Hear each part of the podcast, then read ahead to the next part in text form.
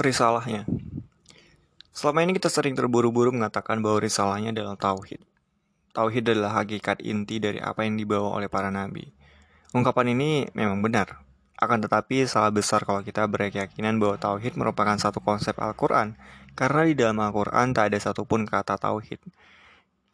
Bagaimana kita bisa berkata bahwa tauhid adalah konsep Qurani, sementara kita tak pernah membaca kata tersebut dalam Al-Quran?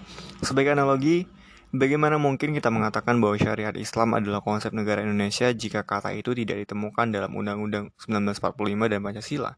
Kalau kita berkata bahwa syariat Islam terkandung dalam Undang-Undang 1945 dan Pancasila, ini baru benar. Bahkan ruh syariat Islam adalah Undang-Undang 1945 dan Pancasila itu sendiri, yaitu ketuhanan yang Maha Esa. Demikian pula, tauhid bukan konsep Qurani, namun tauhid terkandung dalam Al-Quran, bahkan ruh tauhid adalah Al-Quran itu sendiri. Begitu populer istilah tauhid dalam dunia Islam, saya kira merupakan satu bukti bagaimana telah merembesnya konsep filsafat Yunani ke dalam Islam. Dalam filsafat Yunani kita mengenal satu konsep yaitu eros. Eros adalah hasrat jiwa, cinta untuk memiliki keindahan dan kebaikan atau menyatu dengan keindahan dan kebaikan. Plato lalu memperkaya makna eros dengan cinta terhadap ilmu yang abstrak, yakni sang sumber ilmu, logos, melebihi apa pun yang selainnya. Dengan begitu dimulailah satu konsep tentang Sang Maha dalam bahasa bahasa kita Tuhan sebagai sumber ilmu yaitu logos. Bagi Plato, untuk menyatu dengan keindahan dan kebaikan diperlukan bangunan intelek akal yang kokoh, diperlukan filsafat. Oleh karena itu, dimulai oleh Plato, filsafat yang semula sekedar pecinta kebijaksanaan diubah maknanya menjadi aktivitas intelek dalam usaha mencintai kebijaksanaan demi meraih penyatuan dengan keindahan, kebaikan mutlak, dan sumber ilmu.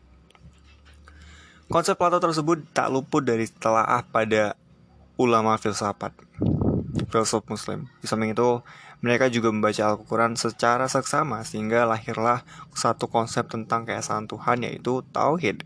Kita bisa membaca tentang konsep Tuhan yang esa dalam khasana intelektual Islam yang begitu melimpah ruah. Konsep mereka begitu beragam dengan argumen masing-masing seperti Mu'tazilah dan Asy'ariyah. Akan tetapi ujung-ujungnya tetap sama. Baik filsuf Yunani maupun ulama filsuf filsafat berhasrat membuat satu konsepsi yang benar tentang Yang Maha Esa sebagai sang sumber pengetahuan agar bisa hidup tidak menyimpang dari kebenaran dan keindahan dan bisa secara total mencintainya. Kita akan bahas hal ini secara panjang lebar pada bab selanjutnya. Dalam Al-Quran kita hanya menemukan kata-kata yang seakar dengan kata tauhid, yaitu satu abad terulang sebanyak 53 kali, dua wahid terulang sebanyak 30 30 kali, tiga wahdah terulang hanya satu kali. Jadi konsep tentang keesaan Tuhan yang dikabarkan Al-Quran adalah wahdaniyah, keesaan Tuhan. Sekalipun demikian, karena inti dari konsep tauhid tidak menyimpang dari substansi pokok yang dibawa Al-Quran, tak perlu kiranya kita mengubah atau membekukan kata tauhid dari hasana intelektual Islam. Pada akhirnya, umat juga paham bahwa tauhid merupakan wahdaniyah, yaitu hakikat kebenaran sejati. Jadi wahdaniyah lah yang merupakan istilah yang dibawa oleh semua nabi. Kami tidak mengutus seorang rasul pun sebelum kamu, Muhammad, melainkan kami wahyukan kepadanya bahwa tiada ilah selain aku. Quran Surat Al-Anbiya ayat 25 Kami juga telah mengutus nabi-nabi sebelum kamu di antara mereka ada yang telah kami sampaikan kisahnya dan ada pula yang tidak kami sampaikan kepadamu. Quran Surat Al-Mu'min ayat 78 Tiada suatu umat kelompok masyarakat pun kecuali telah pernah diutus kepadanya seorang pembawa peringatan. Quran Surat Fatir ayat 24 Apabila kita hendak menelaah Al-Quran yang mengandung kabar tentang keesaan tersebut, kita masih melampaui tahapan-tahapan tertentu yang memerlukan kajian yang tepat dari sisi sejarah. Di atas, dalam surat Al-Anbiya ayat 25 dan surat Al-Mu'min ayat 78, kita membaca bahwa Tuhan menyebut dirinya sendiri dengan sebutan kami. Pakar tafsir kita, M. Quraisy mempunyai penilaian bahwa ketika Tuhan menyebut dirinya sendiri dengan aku, maka permasalahan yang hendak diutarakan adalah permasalahan yang mutlak ada dalam genggamannya. Maksudnya, manusia tak memiliki peran sedikit pun dalam permasalahan tersebut. Misalnya, Tuhan berfirman dalam surat Al-Baqarah ayat 30. Sesungguhnya aku Tuhan adalah pencipta khalifah di muka bumi. Dalam ayat ini Tuhan berfirman dengan sebutan kata ganti domer, aku, untuk dirinya sendiri. Sementara pada ayat yang lain, Allah berfirman dalam Quran Surat Sad ayat 26 Wahai Daud sesungguhnya kami telah menjadikan engkau sebagai khalifah. Mari kita bandingkan dua ayat di atas. Ketika Tuhan menjadikan Adam sebagai khalifah Tuhan berkata aku Akan tetapi ketika Tuhan menjadikan Daud sebagai khalifah Tuhan berkata kami. Ini menunjukkan bahwa ketika Tuhan berkata aku Maka permasalahan yang menjadi fokus perhatian kita manusia adalah permasalahan yang murni ada dalam kuasanya. Yang tak ada satupun makhluk dapat ikut berperan di sana Aku pembuat khalifah di muka bumi, sebab dalam pengang pengangkatan Adam sebagai khalifah tak ada peran lain di luar Tuhan. Ini berbeda dengan pengangkatan Daud sebagai khalifah. Kita membaca dalam Al-Quran Daud membunuh Jalut. Tuhan memberinya kerajaan dan hikmah serta mengajarkan kepadanya apa-apa yang dikehendakinya. Quran Surat Al-Baqarah ayat, 20, ayat 251. Lalu Tuhan berfirman, Wahai Daud, kami telah mengangkatmu sebagai khalifah. Ini menunjukkan bahwa ketika kata kami dipakai oleh Tuhan untuk menyebut dirinya sendiri, permasalah yang hendak disampaikan bukanlah permasalahan yang murni menjadi urusan Tuhan, melainkan ada tangan lain yang berperan di sana. Karena Daud membunuh Jalut, maka Daud pun menjadi raja. Jadi kedudukan raja yang Daud raih adalah hasil kerja keras Daud yang telah membunuh Jalut, dan tentu saja berkat kuasa Tuhan. Penggunaan kata aku dan kami yang dipakai Tuhan untuk menyebut dirinya sendiri dalam Al-Quran kiranya adalah permasalahan mendasar dan begitu penting untuk mengetahui kebenaran. Contoh yang saya tulis di bawah ini adalah contoh-contoh yang sempat membuat saya kelelahan memikirkannya karena begitu pelik. Tuhan berfirman, Dan langit kami bangun dengan tangan-tangan, baca kekuasaan aku, yang dan sesungguhnya kami benar-benar meluaskannya. Bumi kami hamparkan, maka sesungguhnya yang menghamparkan adalah kami. Sebagian dari segala sesuatu kami ciptakan berpasang-pasangan supaya kamu mengingat kebesaran Allah. Catatan kata dalam kurung adalah penafsiran. Quran surat Al-Azariyat ayat 47 sampai 49. Ketika Tuhan berkata tentang pembangunan langit, dia berfirman kami membangun. Tentu saja dalam membangun langit tak ada peran lain di luar Tuhan. Akan tetapi mengapa Tuhan berfirman, berfirman kami? Lihat dulu lanjutan ayatnya. Dengan kekuasaan aku. Jadi meskipun Tuhan berfirman dengan kata kami pada permasalahan yang diungkap adalah murni utusan Tuhan, firman itu dilanjutkan dengan titik tekan kuasanya. Kemudian Lihat lanjutan ayat tersebut, dan sesungguhnya kami benar-benar meluaskannya. Di sini Al-Quran tak menggunakan redaksi yang terfokus pada kuasanya. Jadi meluasnya langit merupakan permasalahan yang bukan murni urusan Tuhan. Kita tahu, kosmos jagat raya tak pernah berhenti meluas sebagaimana temuan Edwin Hubble. Jadi, ketika berkata tentang meluasnya langit, soal Al-Quran berkata untuk mengetahui meluasnya langit, berpikirlah kalian semua ini saya kalian tahu langit itu meluas karena aku benar-benar meluaskannya. Kata kami dalam lanjutan ayat ini seolah mengajak umat manusia untuk terus-menerus berpikir tentang luasnya langit. Ketika seorang ilmuwan yang berkata, bahwa luasnya langit adalah X kilometer persegi, kita jangan berhenti untuk meliti langit. Sebab Tuhan berkata kami meluaskan langit. Bisa jadi kita akan tahu bahwa luas langit itu bukan X kilometer persegi, melainkan X plus kilometer persegi. Puji Tuhan, ilmuwan dahulu berkata bahwa luas langit adalah konstan, namun Hubble merombak persepsi itu dengan ujarannya yang revolusioner. Jagat raya atau universe terus bertambah secara konstan. Tuhan berfirman, kami membangun langit dengan kuasaku karena memang tak ada seperan siapa pun selain Tuhan saat membangun langit. Kemudian Tuhan berfirman sesungguhnya kami benar-benar meluaskannya, karena memang manusia tak boleh berhenti dalam merenungkan atau meneliti luasnya langit jagat raya maksudnya. Dalam ayat selanjutnya Tuhan berfirman dan bumi itu kami hamparkan sebaik-baik yang menghamparkan adalah kami. Sejauh pembacaan saya akan kitab-kitab tafsir karya para ulama dahulu, katakanlah Ibnu Qasir, Rashid Ridho, Said Qutub, ataupun Quraisy Shihab, saya tak menemukan atau satu penafsiran yang benar-benar diterima dan sesuai dengan penemuan ilmiah dewasa ini. Para mufasir lebih sering membahas permasalahan ini dengan mengelak dari fakta yang sudah mustahil ditolak bahwa bumi berbentuk bulat. Tentang bumi, kita lihat dahulu ayat berikut ini. Allah berfirman, dialah Tuhan yang menjadikan ja'ala bumi sebagai hamparan bagi kamu dan langit sebagai atap. Quran Surat Al-Baqarah ayat 22. Mengomentari ayat ini, Quraisy penulis, Dijadikan bumi ter, ber, terhampar bukan berarti dia diciptakan demikian. Bumi diciptakan Allah bulat atau bulat telur, itu adalah hakikat ilmiah yang sulit dibantah. Keterhamparan tidak bertentangan dengan kebulatannya. Allah menciptakannya bulat untuk menunjukkan betapa hebat ciptaannya. Lalu dia menjadikan yang bulat itu terhampar bagi manusia. Yakni ke mana pun mereka melangkahkan kaki, mereka akan melihat atau mendapatkannya terhampar. Itu dijadikan Allah agar manusia dapat meraih manfaat sebanyak mungkin dari dijadikannya di bumi demikian. Cetak miring dari penulis. Dari penafsiran ini kita membaca bahwa Al-Quran tidak mendapat dukungan ilmiah. Bahkan keterhamparannya tidak bertentangan dengan kebulatannya. Saya tak paham maksud penafsiran tersebut. Apakah Al-Quran tak sesuai dengan fakta ilmiah? Kita lihat dulu permasalahannya. Apakah firman Tuhan tersebut memang hendak memberikan informasi bahwa bumi bulat dalam ayat tersebut?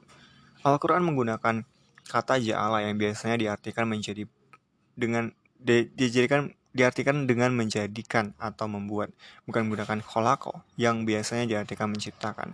Seandainya Al-Quran berkata, Inna kholakuna lakum al-ardo firasan sesungguhnya kami telah menciptakan bumi terhampar, niscaya Al-Quran telah keliru. Akan tetapi sekali lagi dalam ayat tersebut Al-Quran menggunakan kata ja'ala, bukan kholako. Inilah salah satu kecerdasan dan keilmian Al-Quran yang begitu megah dan agung. Pakar bahasa menerangkan bahwa kata kholako lebih menekankan kehebatan dan keagungan Tuhan dalam ciptaannya, sedangkan kata ja'ala mengandung penekanan terhadap manfaat atau nilai guna yang harus atau dapat diperoleh dari sesuatu yang dijadikannya itu. Jadi terjemahan yang tepat untuk ayat di atas adalah dialah yang menjadikan bumi dengan manfaat keterhamparan untuk kalian. Dengan kata lain, dalam ayat tersebut, Al-Quran tidak bermaksud menerangkan bahwa Tuhan menciptakan bumi terhampar, tetapi bermaksud menerangkan adanya manfaat bagi manusia yang merasa bumi itu terhampar.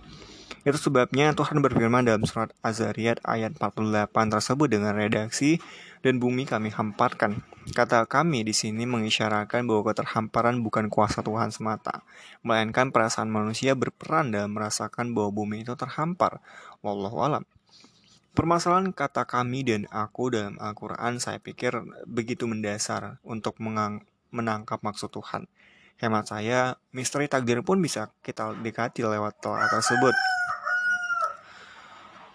Ayat yang biasanya dijadikan kaum determinisme, kaum yang pasrah dan begitu salah kaprah, salah satunya adalah ayat tidak ada satu bencana pun di muka bumi dan tidak pula pada dirimu sendiri melainkan telah ditulis dalam satu kitab sebelum kami menciptakannya.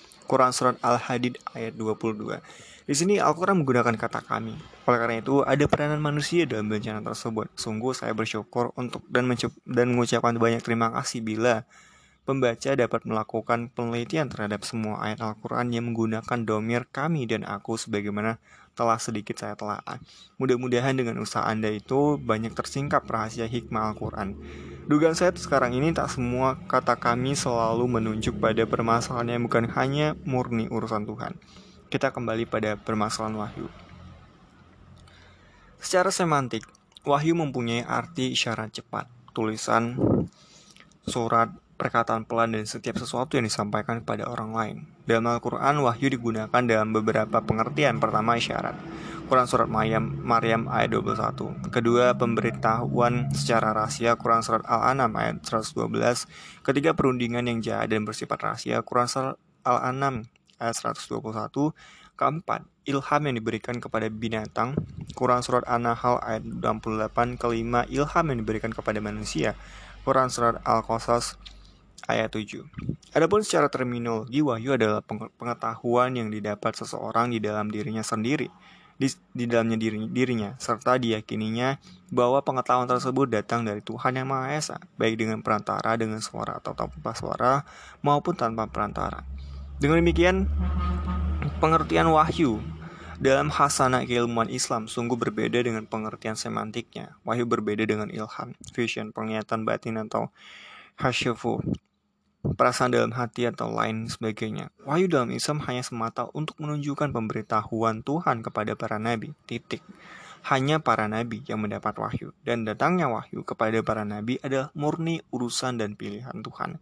Ketika Tuhan mengabarkan tentang pilihannya ke atas para nabi dan rasul, ternyata Tuhan menggunakan redaksi sebagaimana terlihat berikut. Aku memilihmu Allah berfirman, Aku memilihmu maka dengarkanlah dengan tekun apa-apa yang akan diwahyukan kepadamu. Sesungguhnya aku adalah Allah Tuhan yang Maha Esa, tiada Tuhan kecuali Allah Tuhan yang Maha Esa, sembahlah aku dan dirikanlah sholat untuk mengingatku. Quran Surat Toha ayat 13 sampai 14. Tuhan menyebut dirinya dengan aku. Jadi siapa saja yang akan diberi kepercayaan untuk memikul tugas kenabian adalah mutlak pilihannya semata. Tidak ada peranan siapa pun dalam masalah ini. Tuhan semata telah memilihnya.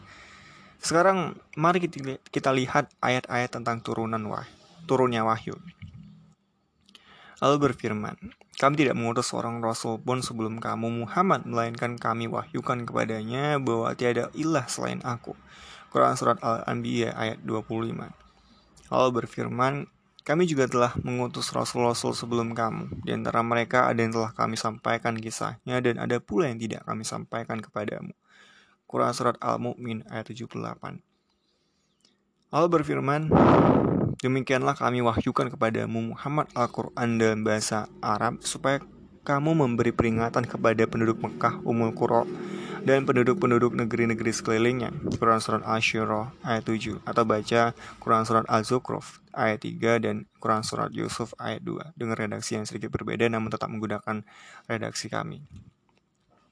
Allah berfirman jika kamu beriman kepada yang kepada Tuhan yang Maha Esa dan dengan apa-apa yang telah kami turunkan kepada hamba kami pada hari Furqan, hari bertemunya dua pasukan, Quran Surat Al-Anfal ayat 41, Allah berfirman, sungguhnya kami telah menurunkan Al-Quran itu dan sesungguhnya kamilah pemeliharanya. Quran Surat Al-Hijr ayat 9 dan banyak lagi ayat lainnya. Tuhan menggunakan kata kami pada ayat-ayat tersebut. Penggunaan kata kami di sini mengisyaratkan bahwa turunnya wahyu bukan hanya peran Tuhan semata, manusia juga berperan di sana. Oh, benarkah? Subhanallah.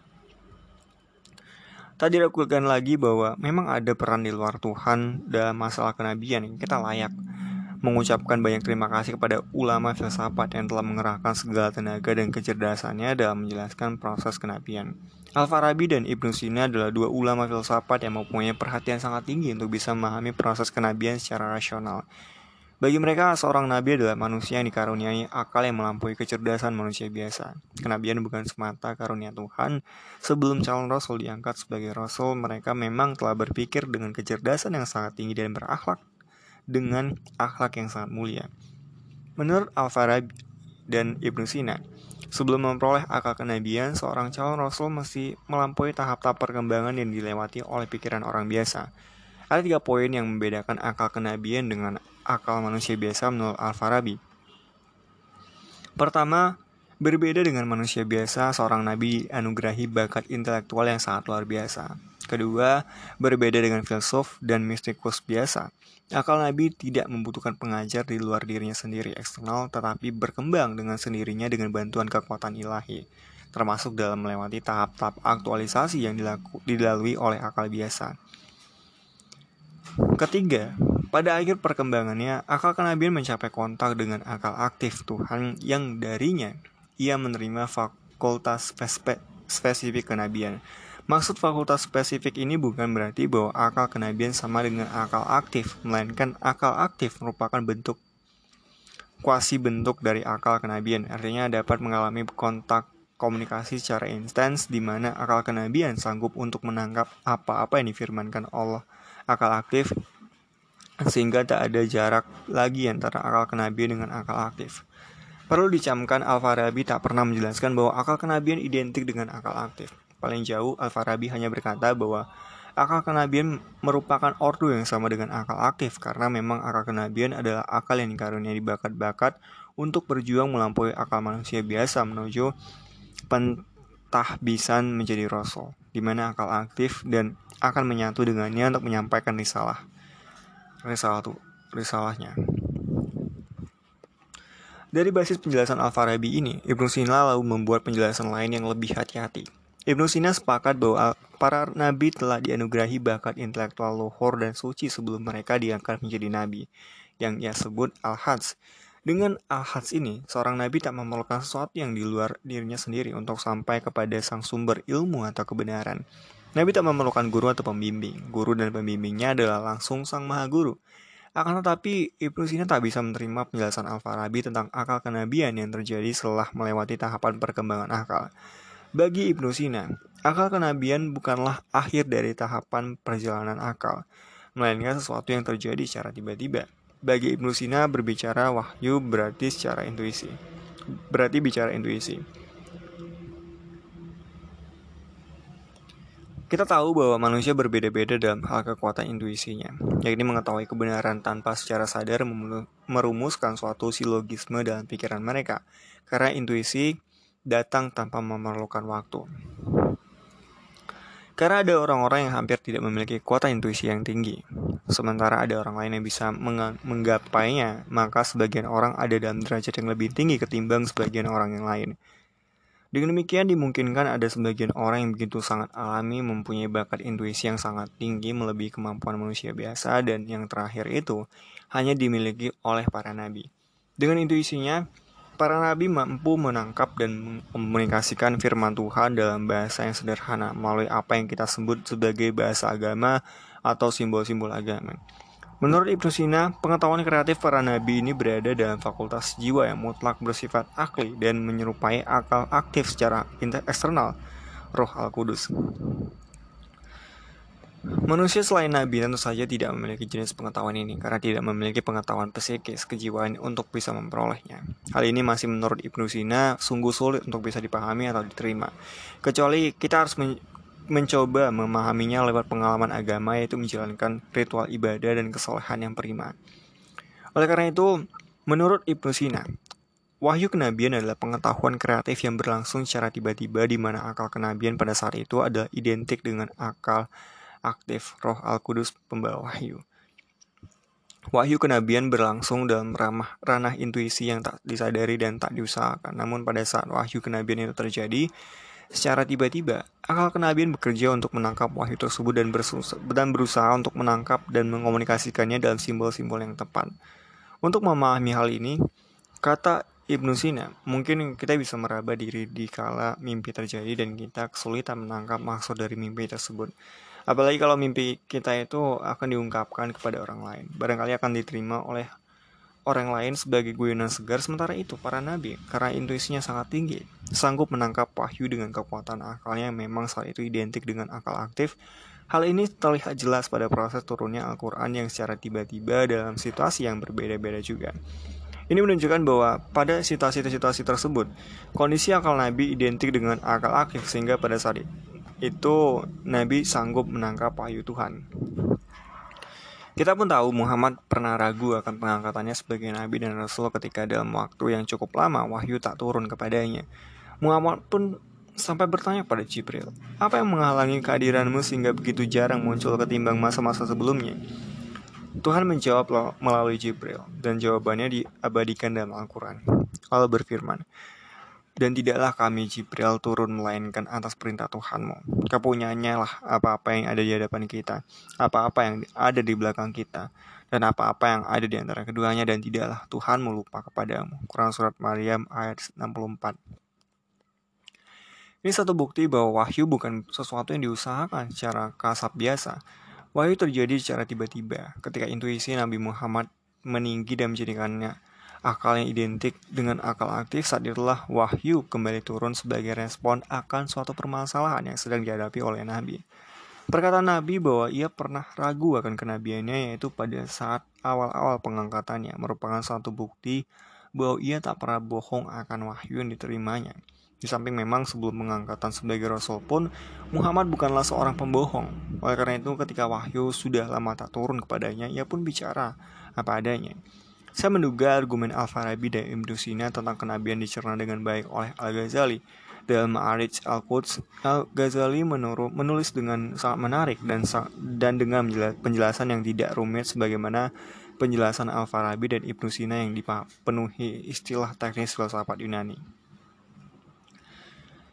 Kenabian adalah anugerah dan pemberian ilahi yang tidak bisa diperoleh dengan usaha. Meskipun usaha dari yang akan menerima wahyu adalah perlu, yaitu dengan ibadah yang sertai latihan berpikir dan perbuatan-perbuatan tulus dan suci. Jadi kenabian bukanlah kebetulan murni tanpa kepas kepanasan ilmiah sehingga setiap makhluk yang merayap dan berjalan dengan kakinya bisa menjadi penerimanya. Bukan pula ia diperoleh dengan usaha murni sehingga setiap orang yang berpikir bisa memperolehnya. Dalam hasanah filsafat, argumen Al-Farabi, Ibnu Sina, dan Al-Ghazali di atas dikenal dengan filsafat kenabian, profetik. Sebagian ulama ada yang rigid dengan argumen filsafat kenabian, bahkan ada yang begitu mencela dan menghina seperti yang diutuangkan Ibnu Taimiyah dalam kitabnya Al-Nubuwat. Ia menuduh ulama filsafat sebagai orang-orang yang tak menempatkan kenabian pada tempat semestinya. Dengan pembacaan yang salah kaprah, ia menuduh ulama filsafat telah menempatkan para nabi jajar dengan mistikus, filsuf, bahkan tukang sihir. Menurut Ibnu Tamimiyah, Taimiyah, argumen rasional filosofis akan kenabian adalah sesuatu yang tidak penting. Yang penting dalam kenabian seperti yang tertulis panjang lebar dalam kitab yang tersebut adalah mukjizat. Menurut saya dalam kitabnya ini Ibnu Taimiyah sedang mengajari seorang anak belia agar kuat imannya kepada para nabi. Kembali pada penjelasan semula, dalam Al-Quran ternyata wahyu diturunkan selalu dengan redaksi kami. Ini mengisyaratkan adanya peran lain selain Tuhan dalam turunnya wahyu, ini akal aktif, ruh Al-Kudus atau Jibril, dalam analisis Ibnu Sina dan intuisi para nabi. Saya mempunyai interpretasi lain atau tambahan terhadap digunakannya teks kami dalam ayat-ayat yang berbicara wahyu. Kalau kita membaca Al-Quran, akan tahu bahwa risalah para nabi adalah satu, yaitu tauhid atau wahdunia, keesaan Tuhan. Inilah kabar pokok yang dibawa para nabi. Lalu kalau kita mengkaji risalah wadania dalam Al-Quran, kita akan mendapatkan informasi bahwa penyampaian risalah wadania tersebut ternyata memerlukan tahapan tertentu. Allah menyesuaikan tuntutan yang dianugerahkan kepada para nabinya sesuai dengan tingkat kedewasaan berpikir umat mereka. Oleh karena itu, hampir tidak ada bukti logis yang dikemukakan oleh Nabi Nuh kepada umatnya. Dan pada akhirnya, setelah mereka tetap membangkang, jatuhlah sanksi yang memusnahkan mereka. Kurat Surat Al-Ankabut ayat 14 Ujar pakar tafsir kita, Quraisy Haq.